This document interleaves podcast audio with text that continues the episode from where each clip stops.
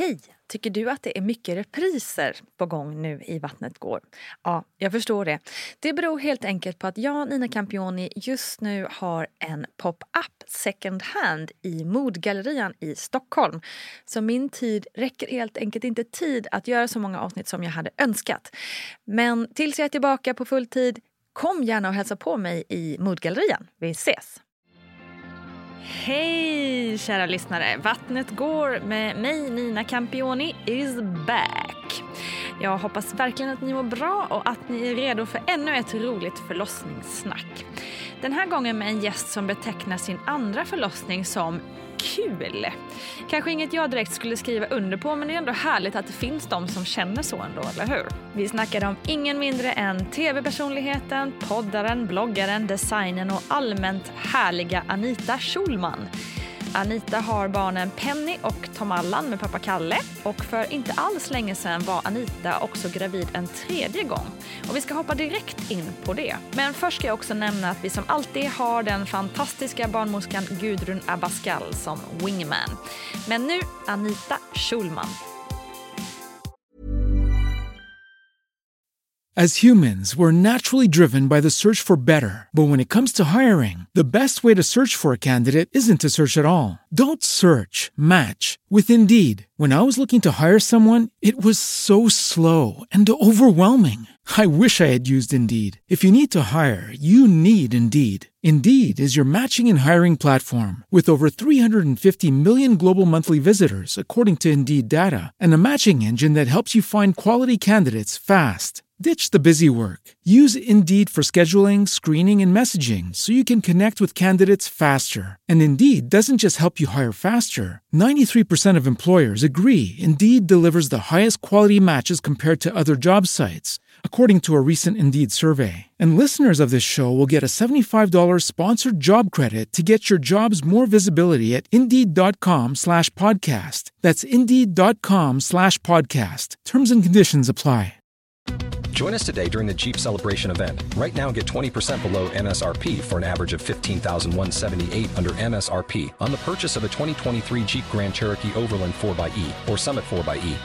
Not compatible with lease offers or with any other consumer incentive offers. 15,178 average based on 20% below average MSRP from all 2023 Grand Cherokee Overland 4xE and Summit 4xE models in dealer stock. Residency restrictions apply. Take retail delivery from dealer stock by 4 1. Jeep is a registered trademark. Du var faktiskt alldeles nyss gravid. Mm. Och sen är du inte det mer. Nej. Vad hände? Berätta. Historiskt har jag fått liksom väldigt mycket missfall och min menscykel, eller vad jag ska säga, har varit väldigt så oregelbunden. Och Penny kom med kejsarsnitt, vilket jag tror liksom min kropp kanske inte svarade superbra på för ingenting förändrades. Eller liksom, den var fortfarande ganska knasig efter Penny.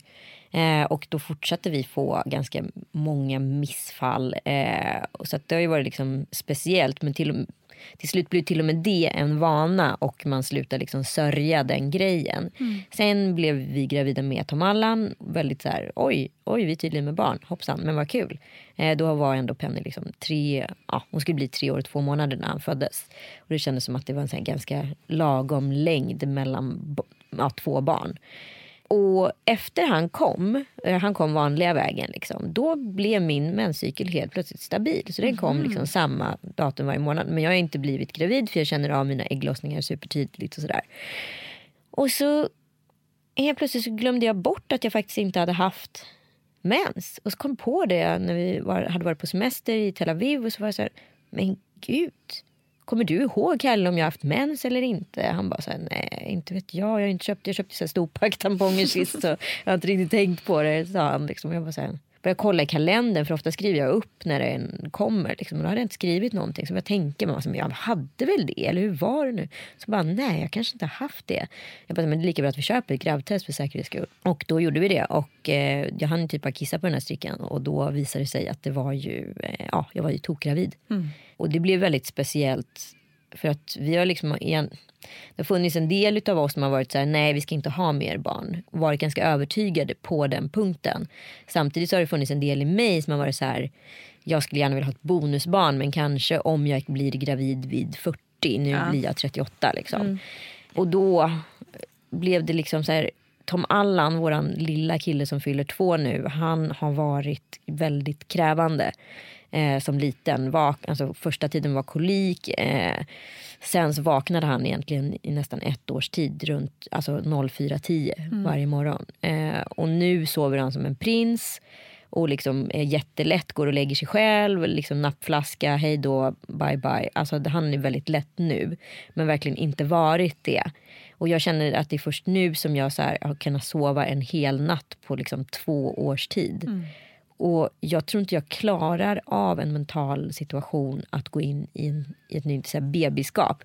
Sen utsatte jag mig själv liksom, för massa småbarn och massa nyfödingar och allt möjligt. För att känna om jag kände någonting, Ja, om det det. fanns ett sug. Ja. För det var verkligen en diskussion hemma. Det var ingenting som var så självklart att det ska bli en abort. Men det fanns inget sug. Och eh, Kalle vände helt plötsligt och var så här, jag tycker verkligen att vi kanske ska överväga att ha det här barnet. Och jag var så här, ja det kan vi göra. Och sen så ställde vi verkligen så för mot nackdelar och kom väl, landa väl i något unisont beslut. Att just nu i tiden så, och jag vet också hur mitt kalender ser ut fram till liksom maj nästa år. Så um, funkar det inte. Eh, så det var liksom så må- det var ju klart att det var vemodigt för så många gånger som man har längtat efter att se det där strecket på stickan och inte fått det när man har önskat det och nu fick man det helt gratis och känslan att inte vilja ha det, den var väldigt speciell. Helt klart. Men eh, så vi beslutade i alla fall för att göra abort och eh, jag gjorde det liksom, ja, vad man kallar det för, hemma. Liksom. Eh, men då, Hur funkar det? Berätta. Ja, det var jättespeciellt. Jag har, inte liksom, jag har gjort så här skrapning tidigare som man heter. Och det är samma process som man gör en så här, eh, eh, operationsabort eller vad jag ska kalla det för. Eh, då åker man liksom in på en klinik eller en praktik och så liksom i princip så stoppar de upp en slang när man är sövd och så suger de ut det som är i livmodern. Eh, så man känner liksom inte av någonting och sen så har man en liten blödning efteråt och sen så är det inte så mycket mer med det. Eh, här åker man alltså till en abortmottagning, får eh, en jättelång eh, beskrivning utav det, träffar två olika läkare som båda egentligen ställer samma frågor. Är du, är du säker på det här? För vilken, förlåt, vilken vecka var du i det här läget? Nio. Nio. Mm. Och eh, det var jag liksom. Så att det kändes inte som någon tvekan på det. Och eh, när det beslutet hade tagits så gick man igenom en väldigt så här, kliniskt förklarad process utav vad som ska ske. Eh, så det första pillret som jag tar, tog för att starta eller avbryta egentligen graviditeten, det tar man på plats på kliniken. Och sen så gör man det andra hemma. Eh, och då är det liksom själva egentligen, då har ju barnet dött per definition. Sen är ju ett barn i vecka nio lika stort som ett eh, lite större risgryn så att det är ju inte, man ska ju inte se en bebis framför sig. Nej, liksom. Så då avbryter man själva liksom, eh, ja, graviditeten och sen så två dagar senare börjar man ett utdrivnings ja, process genom att man tar andra tabletter både liksom vaginalt och eh, man sväljer vissa tabletter också.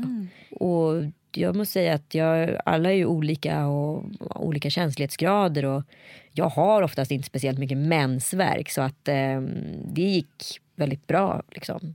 Det var några toalettbesök och sen var det klart. Liksom. Och sen så har man en blödning efteråt. Så. Det var skönt. Ja, så att jag, och jag måste säga hela den processen eh, trodde jag skulle vara mycket mer emotionell men för mig var den inte det. Och det tror jag handlar om, bottnar i att jag har varit väldigt beslutsam för att göra den här aborten. Och nu efteråt känns det... Nej, det känns ingenting. Men sen så gjorde vi en inspelning häromdagen på eh, BB Danderyd. Och jag såg de här kvinnorna som vaggar som valrossar i korridoren som är så här, i någon typ av öppningsskede med liksom så här nollad blick, flåsande. Så bara kände jag så här, gud jag vill göra det där igen. Du gjorde det? det skulle kunna vara liksom rent avskräckande men jag bara Ja. kände tvärtom. Alltså där vill jag göra någon gång i Ja. framtiden. Ja, men det kommer sen. Ja, dels tror jag inte att vi kanske som par skulle hållit ihop om vi hade fått det, det är ju ett lotteri, det kan ju blivit världens snällaste barn också så absolut. Men jag tror inte att vi som par hade mått bra eller kanske ens klarat tre barn eh, på relativt kort tid. Ehm, så där började väl liksom problematiken. Eh, Alltså kommer vår relation klara ett tredje barn? Eh, och vi båda vacklade på den frågan. Liksom. Eh, och då känns det som att så här, ja, då var det ganska lätt att ta det beslutet. Men det som har skett för Kalle har väldigt, varit så här superkonsekvent med hela tiden. Alltså blir det inte ett tredje barn, det får du skaffa med din nästa man. Har om. Men nu var han efter det här, eh, har han helt ändrat ställning och varit så här, vi ska ha tre. Ja, Så att det, låter hände ju härligt. någonting. Mm. Då blir det en liten, eh, inte sladdis blir det blir inte på riktigt, men eh, nästan halvsladdis. Ja, kanske. men jag så här, kanske skyddar mig själv eller vad fan jag ska kalla det för. Men jag blir inte heller jättebesviken ifall det inte blir det. Nej. Men det är ändå kul att veta att han vill. Exakt, verkligen. Kul att ni är på samma spår i alla fall. Exakt. Men om vi backar bandet lite då, Ja. eh, för det här var ju väldigt present så att säga. Eh, Har du alltid vetat att du ville ha barn? Ja, jag tror jag skrev i någon sån här Mina kompisar bok när jag var sju år att jag skulle bli ballerina och jag skulle vara gift med en amerikan.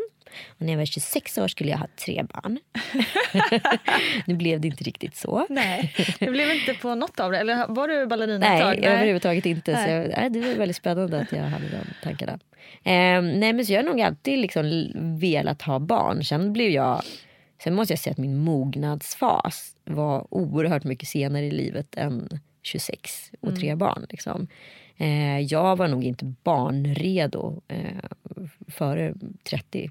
Överhuvudtaget inte. Och inte heller speciellt barnintresserad. Det var kompisar hade barn hitan och ditan och sådär. Jag tyckte väl att de var lite söta men jag hade liksom ingen bebissug. Det kom väldigt starkt efter 30. Mm. Ja, samma här, exakt likadant. Mm. Och det är ju väldigt individuellt. Vissa är så här, några gamla tjejkompisar som, är som så här, har suktat efter en bebis sen och fyllde liksom 20 och också blivit tidiga mödrar. Precis. Men, eh, för du nämnde innan med skrapningen och det här, du har gjort abort tidigare också? eller? Ja, alltså det är ju miss, det är ett missfall. Då Ah, heter okej, ju det så. spontan Ah, okej. abort. Ja, okej. Eh, Men då är det samma process som om man gör en riktig abort. Jag förstår. Ja. Mm. Så var det liksom när du väl träffade Kalle som det blev eh, sug efter barn eller hade du det innan? Eller hur? Nej, jag hade egentligen inte jättemycket sug eh, tidigare utan det blev väldigt så här, tydligt när vi träffades för vi kände också jag och mitt ex hade jättemycket problem i vår relation i slutet och då var liksom inte barn ens med i resonemanget. Eh, men liksom när jag träffade Kalle och vi blev superförälskade och kändes liksom väldigt trygga i varandra då var barn absolut på tapeten. Och jag tror att så här, jag ska inte bara säga att det är biologi men jag tror att det ligger mycket i det där att man ska känna sig trygg med den man skaffar barn med. Man ska inte Verkligen. skaffa barn för att lösa andra problem. Barn ska tillföra något. Liksom. Mm, verkligen. Och eh, var det då att ni satte fart eller blev det, kände ni att ja, Nej men vi började försöka producera bebisar på en gång. Och blev liksom gravida och var gravida i vecka 12 och fick då, ja, Mm. det klassificeras väl inte som ett sent missfall men ett relativt sent. Mm. Eh, och det var jättetungt första gången. Och då sörjde man verkligen ett potentiellt barn och sen fick vi kanske tre missfall till Okej. innan vi blev gravida med Penny. Eh, men hon var ju uppenbarligen värd att vänta på. Så jag Verkligen. verkligen så här, har sett det som en positiv grej i efterhand. Men du nämnde innan att det blev att man typ vande sig inom citationstecken vid missfall. Var, var, det något som var tyngre än det andra eller hur gick tankarna kring det? Nej, men det var jäkligt tungt eh, tyckte jag när jag väl blev gravid med Penny. För jag vågade liksom inte ta ut någon glädje. Jag kommer ihåg att vi jobbade i eh, Col- Colombia då och just spelade in Paradise Hotel.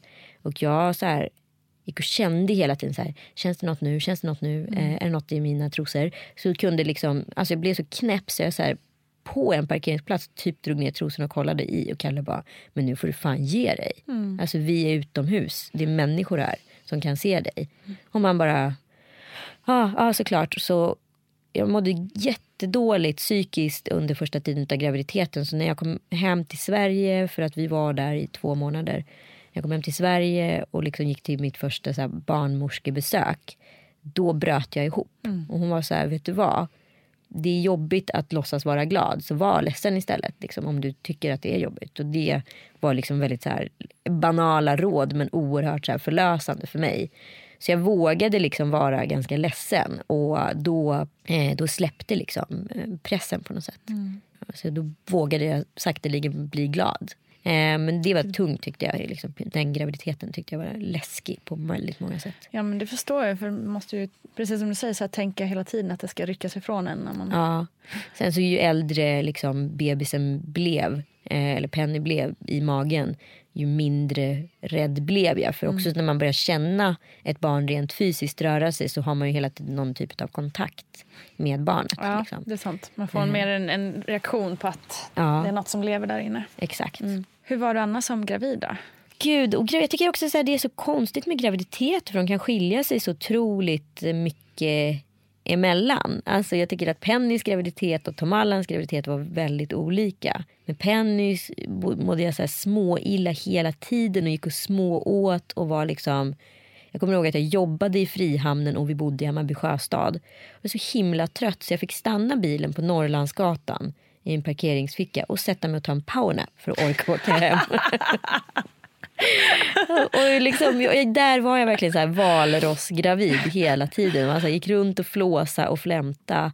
Och med han så, och gick upp också så här 26 kilo så att det så tärde väldigt mycket på kroppen. Eh, man var tung och man hade ont i leder och knän. Och, alltså det var helt fruktansvärt. Och med honom så gick jag bara upp 10 kilo. Jaha, gud vilken Ja, skillnad. så det är ju jätteskillnad. Och då, då liksom, ja, med honom var jag så här, mådde superdåligt första tre veckorna. Och fattade inte heller att jag var gravid. Jag tror jag först att jag hade upp på en matförgiftning. Och fortsatte kräkas liksom. Och var väldigt så här, under isen. Men sen efter de tre veckorna, hur bra som helst. Och var ute och sprang tror jag till och med när jag var sjunde, åttonde månaden. Så det var väldigt olika. Men det var också så här.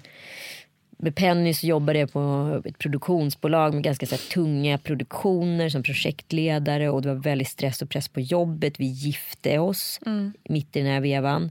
Så jag var gravid i vecka 30 på vårt bröllop liksom. och hon kom i vecka 36. Hur var Eh. det att gifta sig så gravid? Ja, men det var underbart för att man var ju så nykter till att börja med och också tog in alla så känslor, nyanser. Alltså, jag har så oerhört fortfarande klara bilder, även fast det är snart sex år sedan, eh, från vårt bröllop. Alltså, det är fantastiskt. Alltså, jag kommer ihåg hela kvällen, eh, från början till slut. Och liksom människors blickar, doftminnen, alltså allting. Liksom. Eh, så det tyckte jag, det kan jag varmt rekommendera att Det vara. låter ju väldigt lyxigt för det är nog ganska få förunnat som kommer ihåg allt sånt. Ja, och liksom man blir ju hög på stämningen och man har så oerhört mycket endorfiner i kroppen så man behöver inte alkohol. Alltså, Nej, just egentligen då, inte. egentligen inte. Nej. Och så att, jag, var nog, jag var ju med och dansade liksom, till klockan fyra på morgonen. Mm. Så att, eh, jag tycker inte att jag missade någonting måste jag säga. Gud vad härligt det låter. Mm. Fint. Jag har sett bilderna på det. Så himla fint. Det var fint. Men var det också så här olika med typ eh, vad du var sugen på eller Ja, sådär? Jag åt så fem schnitzlar typ per dag med Penny. Eh, och med honom vill jag bara äta så här vinbär. så det var väldigt skillnad. Sjukt. Ja. Nej, men alltså jag åt fem så här schnitzlar. Förstår du hur stora de De är? är skitstora. Ja, det var jag sugen på. Underbart. Fan vad roligt. Men kändes det så här gött ändå att bara så här njuta av det? Eller, eller kände du dig så här? Men till sist blir det ett själväckel i att äta. Man tänk, jag tänker att så här, i mig finns en frossare liksom, Mm. eh, i grunden. Men, men Hands up även här borta kan Ja, jag säga. Åh, Exakt. Alltså, så om, inte jag skulle, om jag skulle släppa mitt så här, matkontrollbehov då skulle jag kunna bli en galen människa, det vet jag. Men samtidigt finns också något så här själväckel i att så här, man har ätit den fjärde snitsen och man är fortfarande sugen på en till. Det är, det är, ingen, det är ingen Det vacker rinner så här känsla. i mungipan, bara så här fett från Ja, men det är ingen vacker känsla. Liksom. Men det, det, är något så här, det finns något så skambelagt i det där. Var det då Kalle också gick upp sju kilo? Eller vad Ja. ja. Ja, jo, han gick verkligen inte upp med Tom Allan. Så det var sympatigraviditeten var med första barnet, ja. Men eh, hur, eh, hur förberedde du dig för förlossningen där när du var gravid med Penny? Men det var väldigt märkligt. Jag kommer ihåg att jag stod i badrummet eh, och då, nu är jag kanske i vecka 35 tror jag. Och det säger plask på golvet. Jag bara, alltså hur mycket flytningar kan man ha? tänkte jag. Och det var liksom helt, trosorna var helt blöta och det var liksom en pöl på golvet. Liten. Och jag fick så här panik så jag kommer ihåg att jag ringde så här Hanna Videll till alla människor. Och, eh, och bara så här, vad ska jag göra?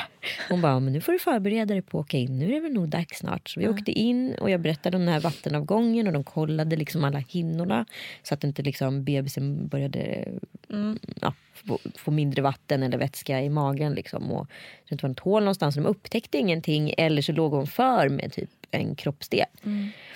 Eh, och jag hade liksom, det var också väldigt så här osäker för att jag hade jättekraftiga sammandragningar. Okej. Eh, om, man, om man inte har haft en verk tidigare så vet man ju inte vad som är skillnad på en kraftig sammandragning och en verk. Nej, och de första inte. förverkarna kan ju verkligen kännas som en kraftig sammandragning.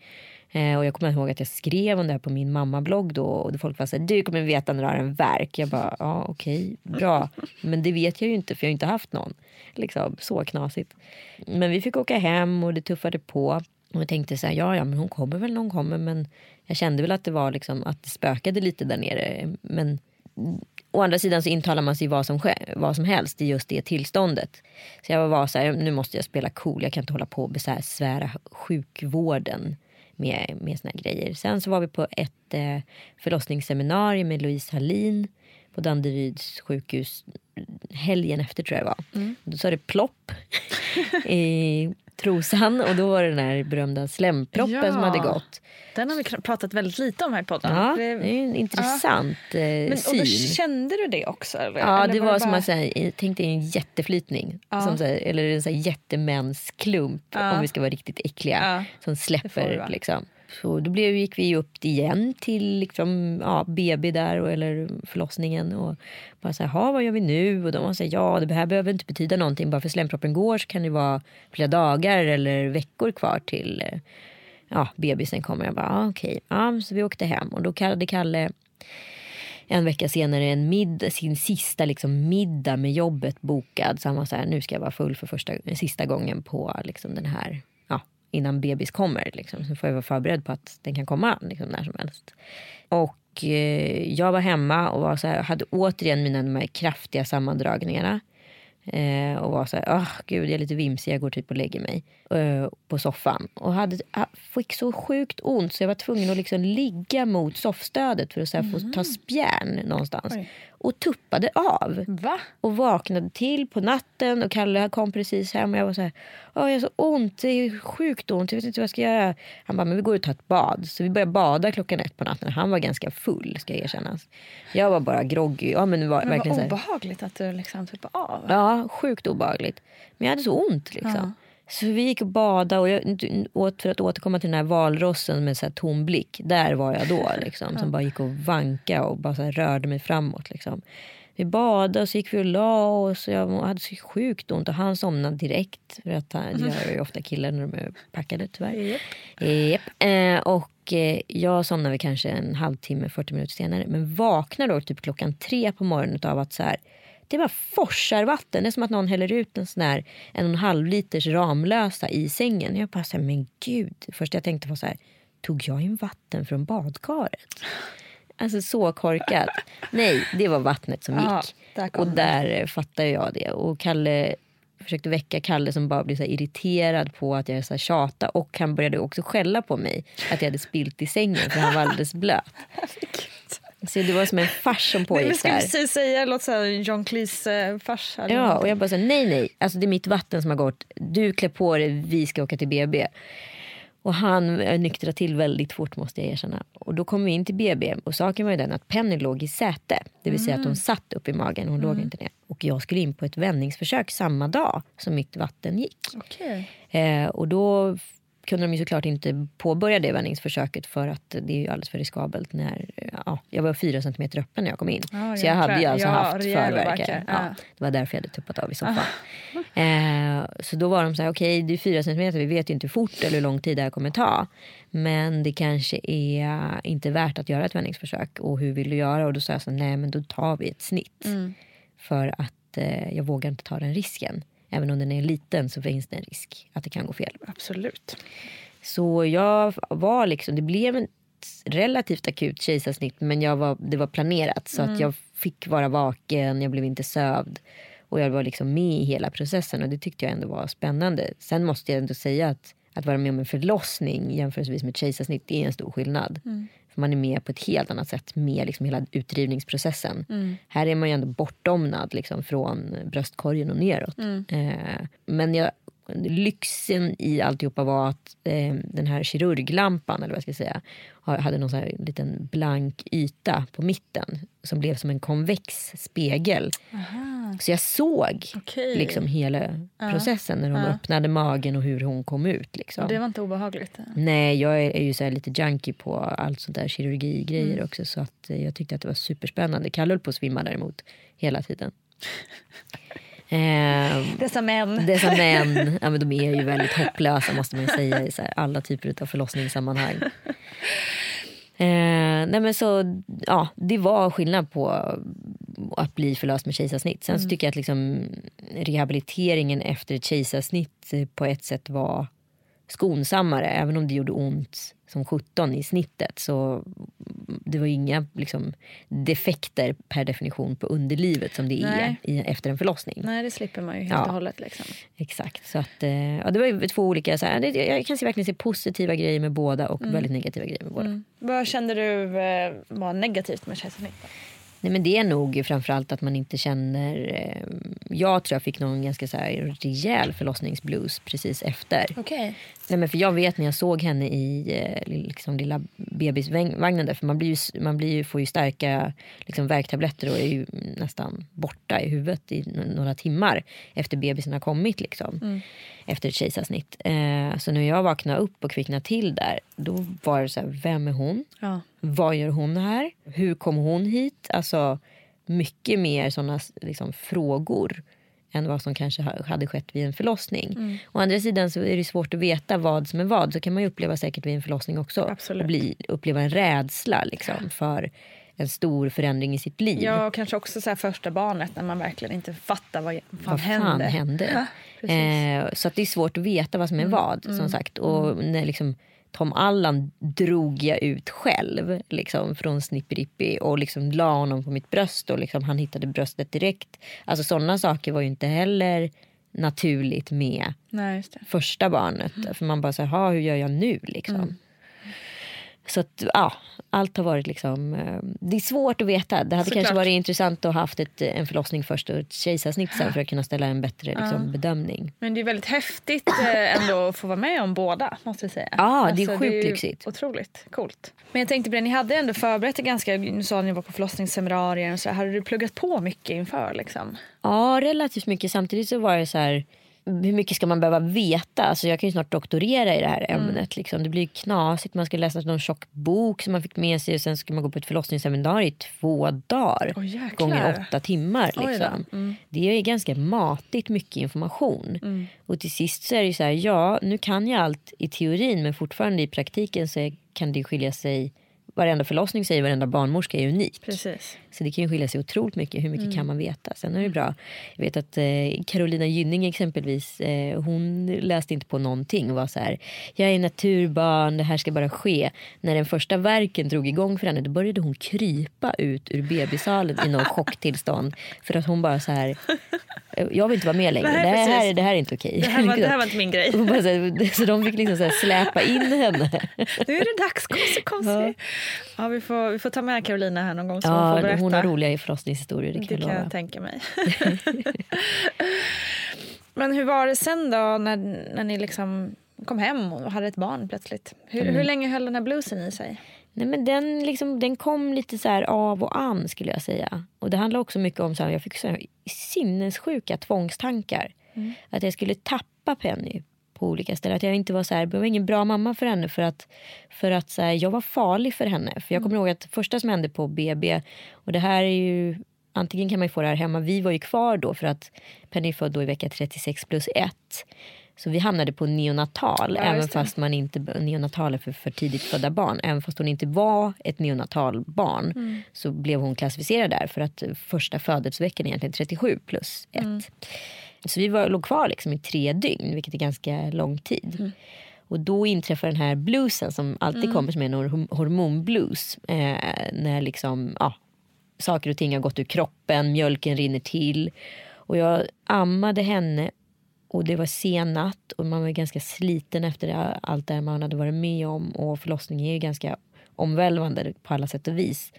Så jag somnade till och tappade henne ungefär 10 mm. centimeter ner i mitt knä. Mm. Det nyfödda lilla, lilla, lilla barnet. Alltså hon mm. vägde 2,75 tror jag när hon föddes. Mm.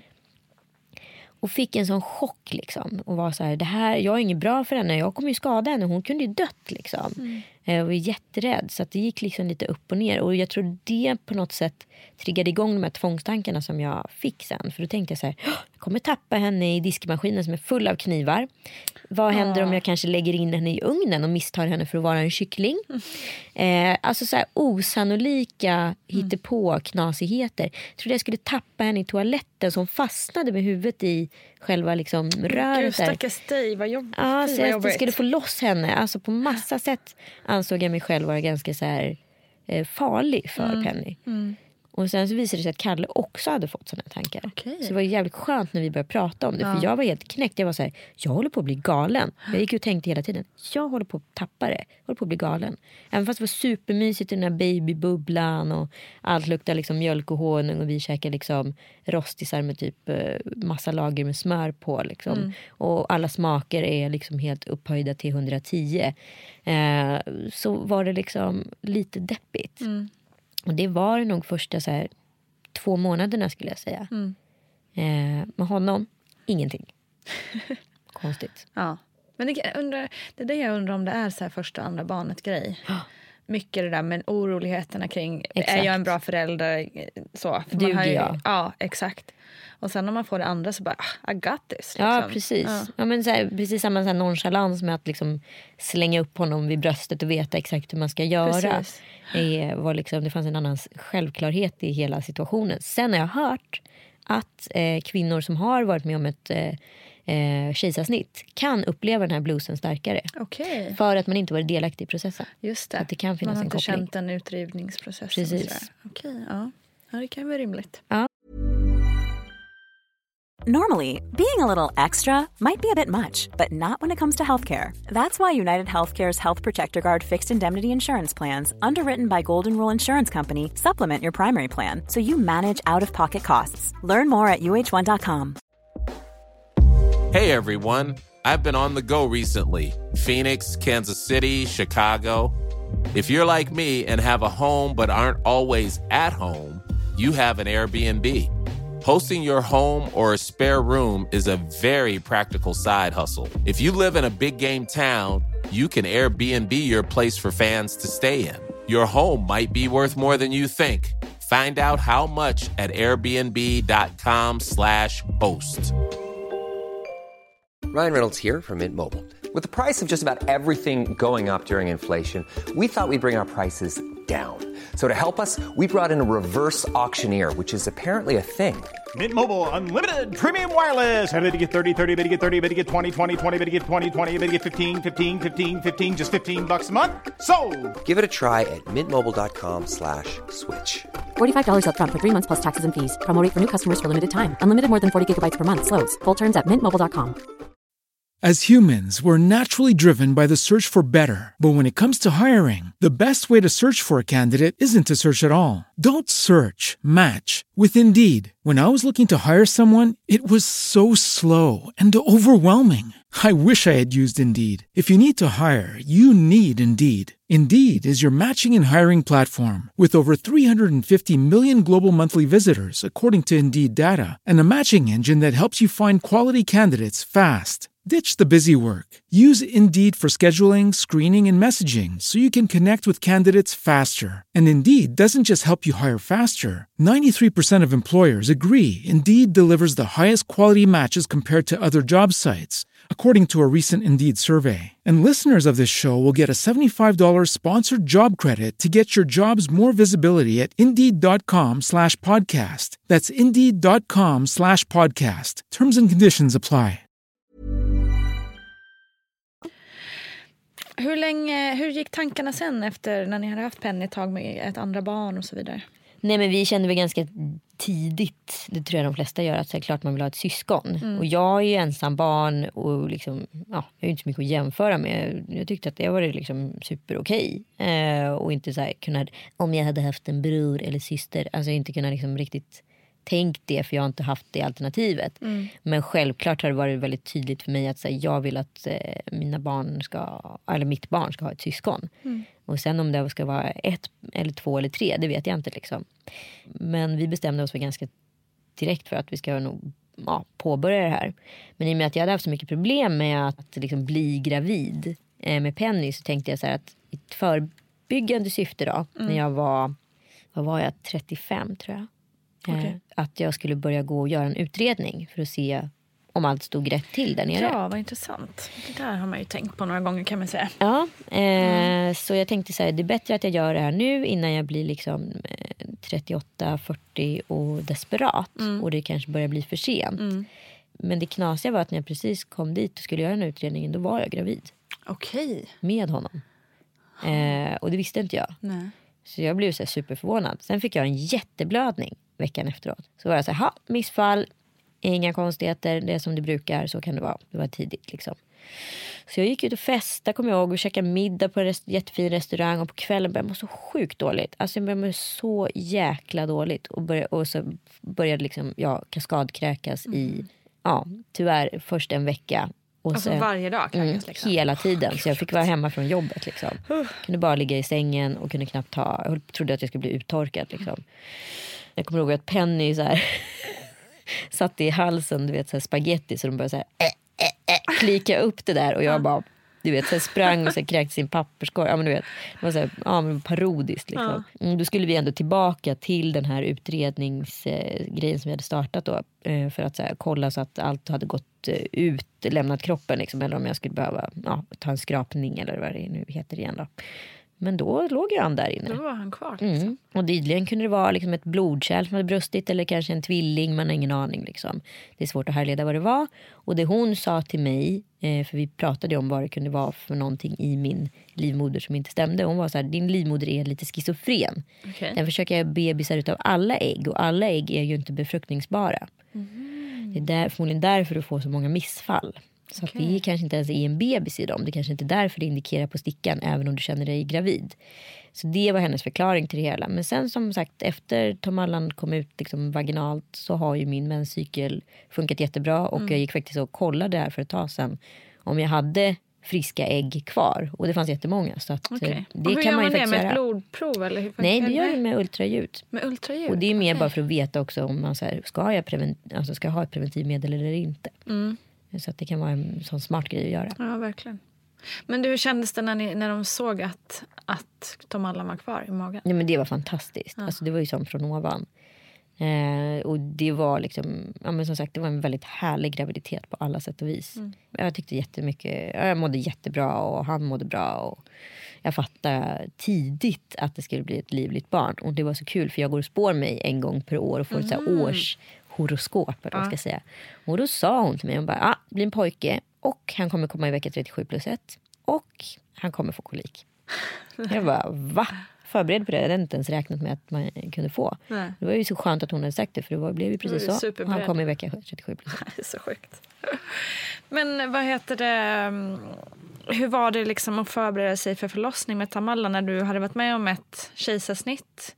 Alltså förberedde du dig mer på ett kejsarsnitt igen om man säger så? Eller var du mer inne på... Kalle ville att jag skulle göra ett kejsarsnitt för att han tyckte att det känns så superläskigt med förlossning. Och jag var helt inställd på att jag skulle förlösa. Så att vi var väldigt oense där. Sen i vecka 36 plus 1 som Penny var född i gick mitt vatten. På dagen. Jag bara okej nu kommer bebis. Nu är det bara history repeated. Ja, men det är väl så här min kropp funkar då. Men han ville ligga kvar. Och de hade ändrat reglerna på um, Karolinska som vi födde på, eller ja, centralt i Sverige, två veckor innan. För när vattnet går har man i regel tidigare plockat ut bebis två dygn Ja, efter. Mm. Men när de ändrar reglerna, så om allt är bra och bebis mår bra i magen så ska den ligga kvar. Så jag var liksom inlagd i en vecka på BB En hel vecka. innan han kom. Okej. Och då tappade jag det till sist. För jag var så här, I gotta go på toa. För jag har liksom inte riktigt kunnat gjort det. man kan bli lite förstoppad när man är gravid på slutet. De bara nej nej, men det får du, du kan inte få något så här laxermedel. Jag bara varför då?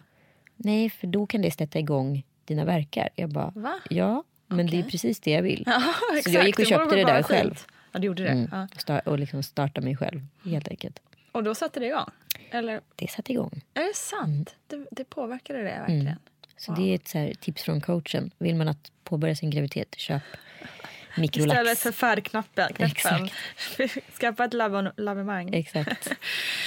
Men eh, och hur, eh, hur kändes det då jämfört med du tuppade av första gången? Var det lika? Nej men nu fick jag ju vara med om Starkt. riktiga liksom, verkar och liksom, lustgas. Det var ju så spännande. Jag var så superpepp. Jag var så här grav- alltså, förlossningsjunkie. Bara, nu ska jag göra det här. Det måste också, förlåt att jag måste också vara så skönt att redan vara på plats när Ja, det börjar. Exakt. Istället för så här, oron att gå hemma och bara ska jag ringa in nu eller är jag jobbig nu om jag ringer in nu och nej de vill att jag ska stanna hemma. Nej jag vill inte. Alltså, jag hade ju där mitt dröm du är ju där. hem, Du var ju redan där. Ja, exakt. Så de, Gud så vad här, lyxigt. Det låter väldigt så här amerikanskt. Typ Ja. Kardashian, så här, hotellsvit. Exakt. Hade varit föna håret på dagen. Det. Nej, det hade jag inte. Men, eh, men eh, jag fick så här akupunktur direkt i ben och huvud och allting så det skulle vara så här verkstimulerande.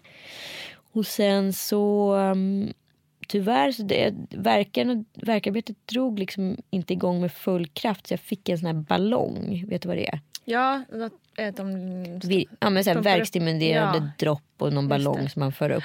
Och då om den ballongen typ trillar ut då, är man, då har öppningsskedet börjat. Mm. Vilket gjorde den, så det var, tog en halvtimme. Och sen var det igång med full rulle. Mm. Eh, så jag, han kom liksom inom åtta timmar tror jag det var. Okej. Och jag tror att det är ett relativt normalt liksom, förlossningsskede. Från liksom, första verk till utdrivning. Men liksom, själva förlossningen i sig koncentrerad från efter liksom, när ballongen var ute och alltihopa. Den tror jag bara gick på så här, tre, fyra timmar.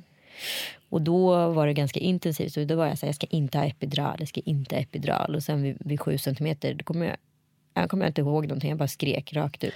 Och skrek på att Kalle får skrika på narkosläkare för nu går det inte längre. Och då mycket riktigt. Sen var själva kryssningsskedet Men hann de väldigt komma långt. med epidural då? Ja. Men sen var det väldigt kryss. Och jag tänkte så här, vid 10 centimeter sen är det klart. Men så är det inte Mm. Precis. alls. Åh gud, den chocken jag fick. Jag, det var precis så. Alla hade ju sagt det. Så här, Ja. ja. men när du är 10 cm, sen är det bara sluttampen. Det är bara vet, så här, tryck ut den. Man bara, eh, not Eller so inte. much. Mm. Nej, helt plötsligt tog det en och en halv timme till. Ja, exakt. Och man tänker sig fast det kan inte bli jävligare än så här. Men liksom, epiduralen gjorde ju att så här, saker och ting slutade verka på samma sätt och alltihopa. Men han ville absolut inte ut. Liksom. Så att jag krystade i 45 minuter och de fick klippa mig. Ja, de fick klippa Ja, för jag var så här, jag, kommer, jag vill inte spricka och han vill inte komma ut. Så när de hade klippt, då kom han. Okej. Eh, så det var liksom den sista lilla pushen där som behövdes. Och när, man, när de klipper, känner man av det eller har man så mycket annat? Man har så mycket annat och, och de hinner bedöva en. Liksom. Ja, ja. Eh, sen är det inte det mysigaste ljudet på jorden Nej, man kanske. hör det Mm. ljudet också. Och det är ganska blodigt. Liksom. De klipper ett litet, litet jack i liksom, ja, inre och yttre blygdläppen helt Mm. enkelt. Då ska det liksom naturligt öppnas när bebisen kommer, Mm. vilket det gör. Så, att, så jag tror jag fick sy två stygn liksom, Okej. på vardera ställe. Men det känner jag inte av någonting idag. Ingenting och det syns inte heller visuellt. Ja, Det låter ju vidrigt men det, är ju bäst, det låter ju bättre än att spricka typ. Ja, och det ska tydligen Hela vara vägen. skonsammare för kroppen även om det är smärtsammare. Men vad, vad, de föreslog inte det utan du föreslog det? Jag föreslog det för jag hade pratat med någon så här expertkompis jag har som är barnmorska som sa att föreslå det. Mm. Sen finns det också en, jag tror det heter så här Danderydsmetoden eller någonting. Mm. Att man håller emot på ett speciellt sätt. Eh, ja, och det är också en del av så här, att motverka någon typ av sprick. Och det är inte jag som gör det utan det är själva barnmorskorna som det. håller med någon varm handduk eller något sånt Exakt, där. Mm. precis. Just det. Och då, men du sa också att du hjälpte till att ta emot honom? Ja, eller? jag sa att jag, jag gjorde en Kardashian helt enkelt. Jag, jag, tog, jag fick tag i om honom under armhålan så drog jag liksom ut honom. Alltså det är bara huvudet som gör ont egentligen. Ja, men så är det ju. Ja. Det går ganska snabbt. Det andra är ju bara som en liksom hal ål. Ja, det är bara... Ja. Men Den här måste... filmen finns faktiskt att se på Youtube. Skämtar du? Lite. Nej. Vad ska man googla på? Anita Schulman förlossning? Ja, kolla där. Gud vad spännande. Ska vi se om vi kan få på lite ljudeffekt här bakom. Jesus Christ, jag sätter på det här. Ja. Ska vi se om vi får något ljud.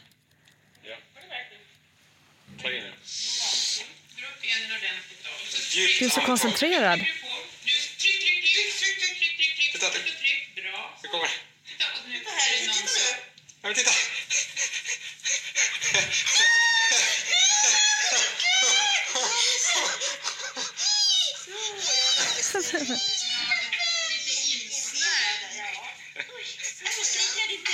Han hostar, han hostar. Vi torkar lite. Han hostar, han kommer igång.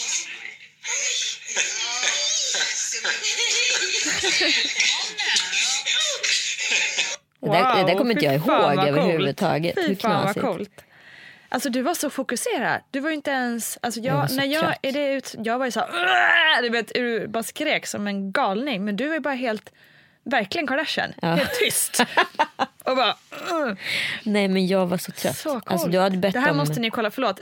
Sök på Anita Schulman förlossning helt enkelt. Och så heter filmen T.A. som är Tom Allan. Eh, nej, men jag var så trött så jag hade bett om att snitta mig ifall inte det skulle gå. Ja. Eh, så jag tror bara att det här, det här var liksom den sista, sista kraften jag hade. Men jag var inte så tjurig. Alltså, eh, skriket och det hade liksom avklarats vid sju centimeter. Mm. Sen var det liksom, jag tyckte att det var ganska kul ärligt talat. Att så här, förlösa. Vad tycker du? Nej, kul är väl inte ord- ordet jag direkt får framför mig. Vidrigt att säga sådana saker, Ja, eller hur? ja verkligen.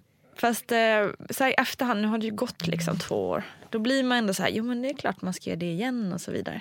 Ja. Men eh, nej, inte kul Anita. Nej, okej, Fel ord. förlåt. förlåt inte Fast det är kul. fantastiskt upplyftande om man tycker att det är kul. Det är klart att det, det är väl skitbra pepp för de som lyssnar. Ja, alltså så här, som sagt alla förlossningar är, liksom, är ju individuella och unika. Så, här. Så är det. Ja, jag tyckte förmodligen inte heller det var kul dagen efter. Men, eh, men eh, nu i efterhand tycker jag att det var en jättepositiv upplevelse och jag vill verkligen göra det igen. Ja, så coolt. Och han, eh, han, nu bara för att ni sa det, han, han skriker inte, han skriker inte säger, säger ju du Ja. i filmen. Och Kalle bara, han hostar bara, han hostar bara. Var det stresset där? Kommer du ihåg Jag det? kommer inte ihåg Nej. någonting av det här. Nej. Även fast jag ser det så kommer jag inte ihåg det. Alltså jag kommer ihåg att jag drog upp honom och la honom på bröstet som jag upplever det. Men tydligen så var jag ju liksom, jag måste ju vara i någon så här Ja, knasfas. det går så liksom. snabbt ja, där också. Exakt. Nej men eh, jag kommer inte ihåg det där alls faktiskt. Så Men. Mm. han hade, han hade tror jag en navelsträng runt halsen men det var ingen så här farlig grej. Nej. liksom. Ah, vad coolt, så jävla häftigt att se. Ja, det måste ni kolla helt enkelt. Ehm, så en, ett kejsarsnitt, en förlossning Ja, och en abort. och en abort. Precis. Och kanske att det blir fler, fler barn. Ja, kanske helt enkelt. Mm. Men du, du nämnde också ehm, att det var lite, även enklare efteråt med Tom Allan. Att det kändes mer naturligt. Eller? Ja, jag tycker det. Hela liksom processen. Att man så här visste, man bytte en blöja, man visste hur mjölkstockning känns och man visste hur, eh, ja, men alltså, hur, hur man ska lägga hakan mot bröstet och så vidare på bebisen när det ska amma. Alltså, såna här små, små saker som man kanske behö- inte liksom hade någon aning om med första barnet blev ju väldigt lätt med andra barnet. helt enkelt. Vad skulle du vilja säga till den som är på väg eh, antingen in i sin förlossning eller på väg att skaffa barn? Om du har något råd sådär som du Just do med? it. Just It's fantastic. Nej men, eh, nej men alltså. Vet inte, gud det blir så stor fråga. Ja, Så här, råd, du får tänka. Nej men alltså barn kan man liksom inte riktigt ångra. Sen tror jag att eh, alla människor är olika och alla människor är olika typer av kaospiloter. Alltså exempelvis Ann Söderlund som jag har en podd med. Hon har liksom sitt femte barn nu och där är det liksom både långt och tätt mellan barnen. Och hon är en människa som trivs på något knasigt sätt i kaos. Så att, och där är inte jag. Så att jag tror att man, så här, man får liksom utgå från sig själv och sin egen situation när man skaffar barn. Och sen så är det väl bara liksom att, att kämpa på. Och i en graviditet är det svårt att säga så här, njut. Det är bara den här gången i livet. Den här tiden är så kort. Alltså fuck you människor som säger så på riktigt. Det är inte alls så här lätt att vara så efterklok. Nej. Utan så här, ta dagen som den kommer och gör det bästa du kan. Så tänker jag ofta så här, om en män hade fött barn, till skillnad från oss, då hade förlossningsvården sett väldigt annorlunda ut. Då hade kanske smärtlindringen varit mycket mer fokuserad på än vad det är idag. Sen tror jag liksom att det absolut kan vara vettigt och det finns en vettighet i, eller logik kanske man snarare ska säga, i den här känslan av utav ett utdrivningsskede när bebis kommer. man är med alltså Mm. mentalt på det. Men sen, eh, jag tror som sagt att så här, man ska inte vara rädd för att ta hjälp och det är ingen skam i epidural och sådana saker. Verkligen inte. Och, så, och de där förlossningsbreven, det är, ingen som, så här, det är inget kontrakt man har skrivit utan det är mer ett, så här, ett, en målbild man ska ha. Ja, men det är bra att komma ihåg faktiskt. Mm. Man är inte bunden till någonting. Exakt.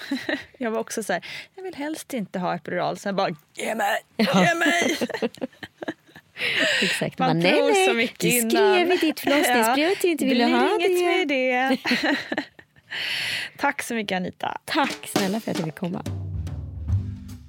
Vad är det för ballong hon pratar om? Ja, ballong, då måste det vara badkatetern som hon menar. Det är en metod för att sätta igång eh, förlossningsarbetet. Och det innebär att man får upp en kateter, eller plaststrang, och högst upp på den så sitter det som en, en liten ballong. Och när man har fört in den innanför själva modermunnen så fyller man den med koksalt. Och så sedan så drar man i den så att den, den ligger och trycker mot inre modermunnen och så tejpar man fast själva katetern mot insidan av benet. Och på det viset, av det här mekaniska trycket, så producerar då kvinnan de här förlossningshormonerna för det här mekaniska, på grund av det mekaniska trycket. Eh, så att det är ett sätt att sätta igång förlossningen och få igång hormonerna. Vad skulle du säga är de största skillnaderna i, i kroppen rent eh, hur det funkar efter en, ett snitt versus en, en så att säga vanlig förlossning? Ja, det är ju hormonellt så är det ju stora skillnader naturligtvis eftersom när kroppen och kvinnan ska föda barnet den vanliga vägen då är det ju både oxytocin och det är progesteron och det är adrenalin och det är endorfin. Det är massor med olika hormoner som dras igång i kroppen. Och de hormonerna frisätts ju inte kvinnan under ett planerat kejsarsnitt. Och jag tycker att en av effekterna som man tror sig veta i alla fall, det är det här att, att därför är risken till exempel större att man blöder med kejsarsnitt eftersom livmodern inte har börjat att arbeta och dra ihop sig. Och likadant påverkan på barnet. Det man ser skillnaden det är väl framförallt hos barnet. Att man ser att barnen, eh, barn som är födda med hjälp av planerad kejsarsnitt har mera typ andningsstörningar. Att de förstår nog inte riktigt att nej, men nu är jag på utsidan och nu ska jag klara av att andas själv och hela den här omställningen. Barn som är födda där kvinnan har gått igenom ett verkarbete Även om det slutar med ett akut kejsarsnitt så har ju de fått hormonerna som gör att de är beredda att möta världen på ett annorlunda sätt på grund av att de får både eh, stresshormoner och de får oxytocin på ett annorlunda sätt och så vidare som hjälper dem i starten när de har kommit på utsidan. Gudrun, nu läggs ju BB Sofia ner. Jätte, jättetråkigt. Jag undrar, och även Anita Schulman undrar om du helt enkelt vill säga någonting till dels lyssnarna men också beslutsfattare och ja, alla mammor och pappor och partners och där ute. Naturligtvis att jag är väldigt ledsen om mina egna vägnar och personalens vägnar och de föräldrar som har skulle kunna få föda här i framtiden med tanke på att vi har byggt upp, upp en eh, verksamhet för kvinnor att få föda sina barn på, på egna villkor tycker jag, där allting är fokus och där alla är så nöjda att man lägger ner. Det känns väldigt tråkigt tycker jag. Och eh, jag är ledsen för allas skull. Därför att, och samtidigt så får man inte bli bitter heller utan tänka men nu har vi under två år visat hur bra förlossningsverksamhet ska bedrivas. Så att vi är faktiskt och kommer alltid att vara det goda exempel. Så att när man ska börja prata om ja, men hur ska man nu bedriva bra förlossningsvård? Ja, men titta på BB Sofia. Så även om huset inte finns kvar så finns tanken, känslan och det goda exemplet kvar. Definitivt. Jag har ju själv varit här. Vilket eh, ett himmelrike för en nyförlöst mamma.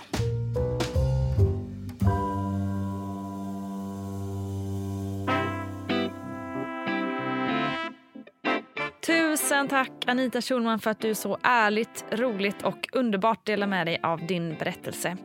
Fem schnitzlar, det är ändå rätt gött jobbat alltså.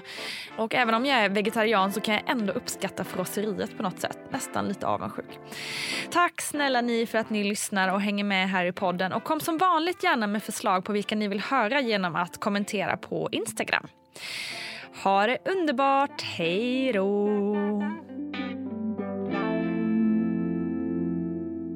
Producerat av Perfect Day Media.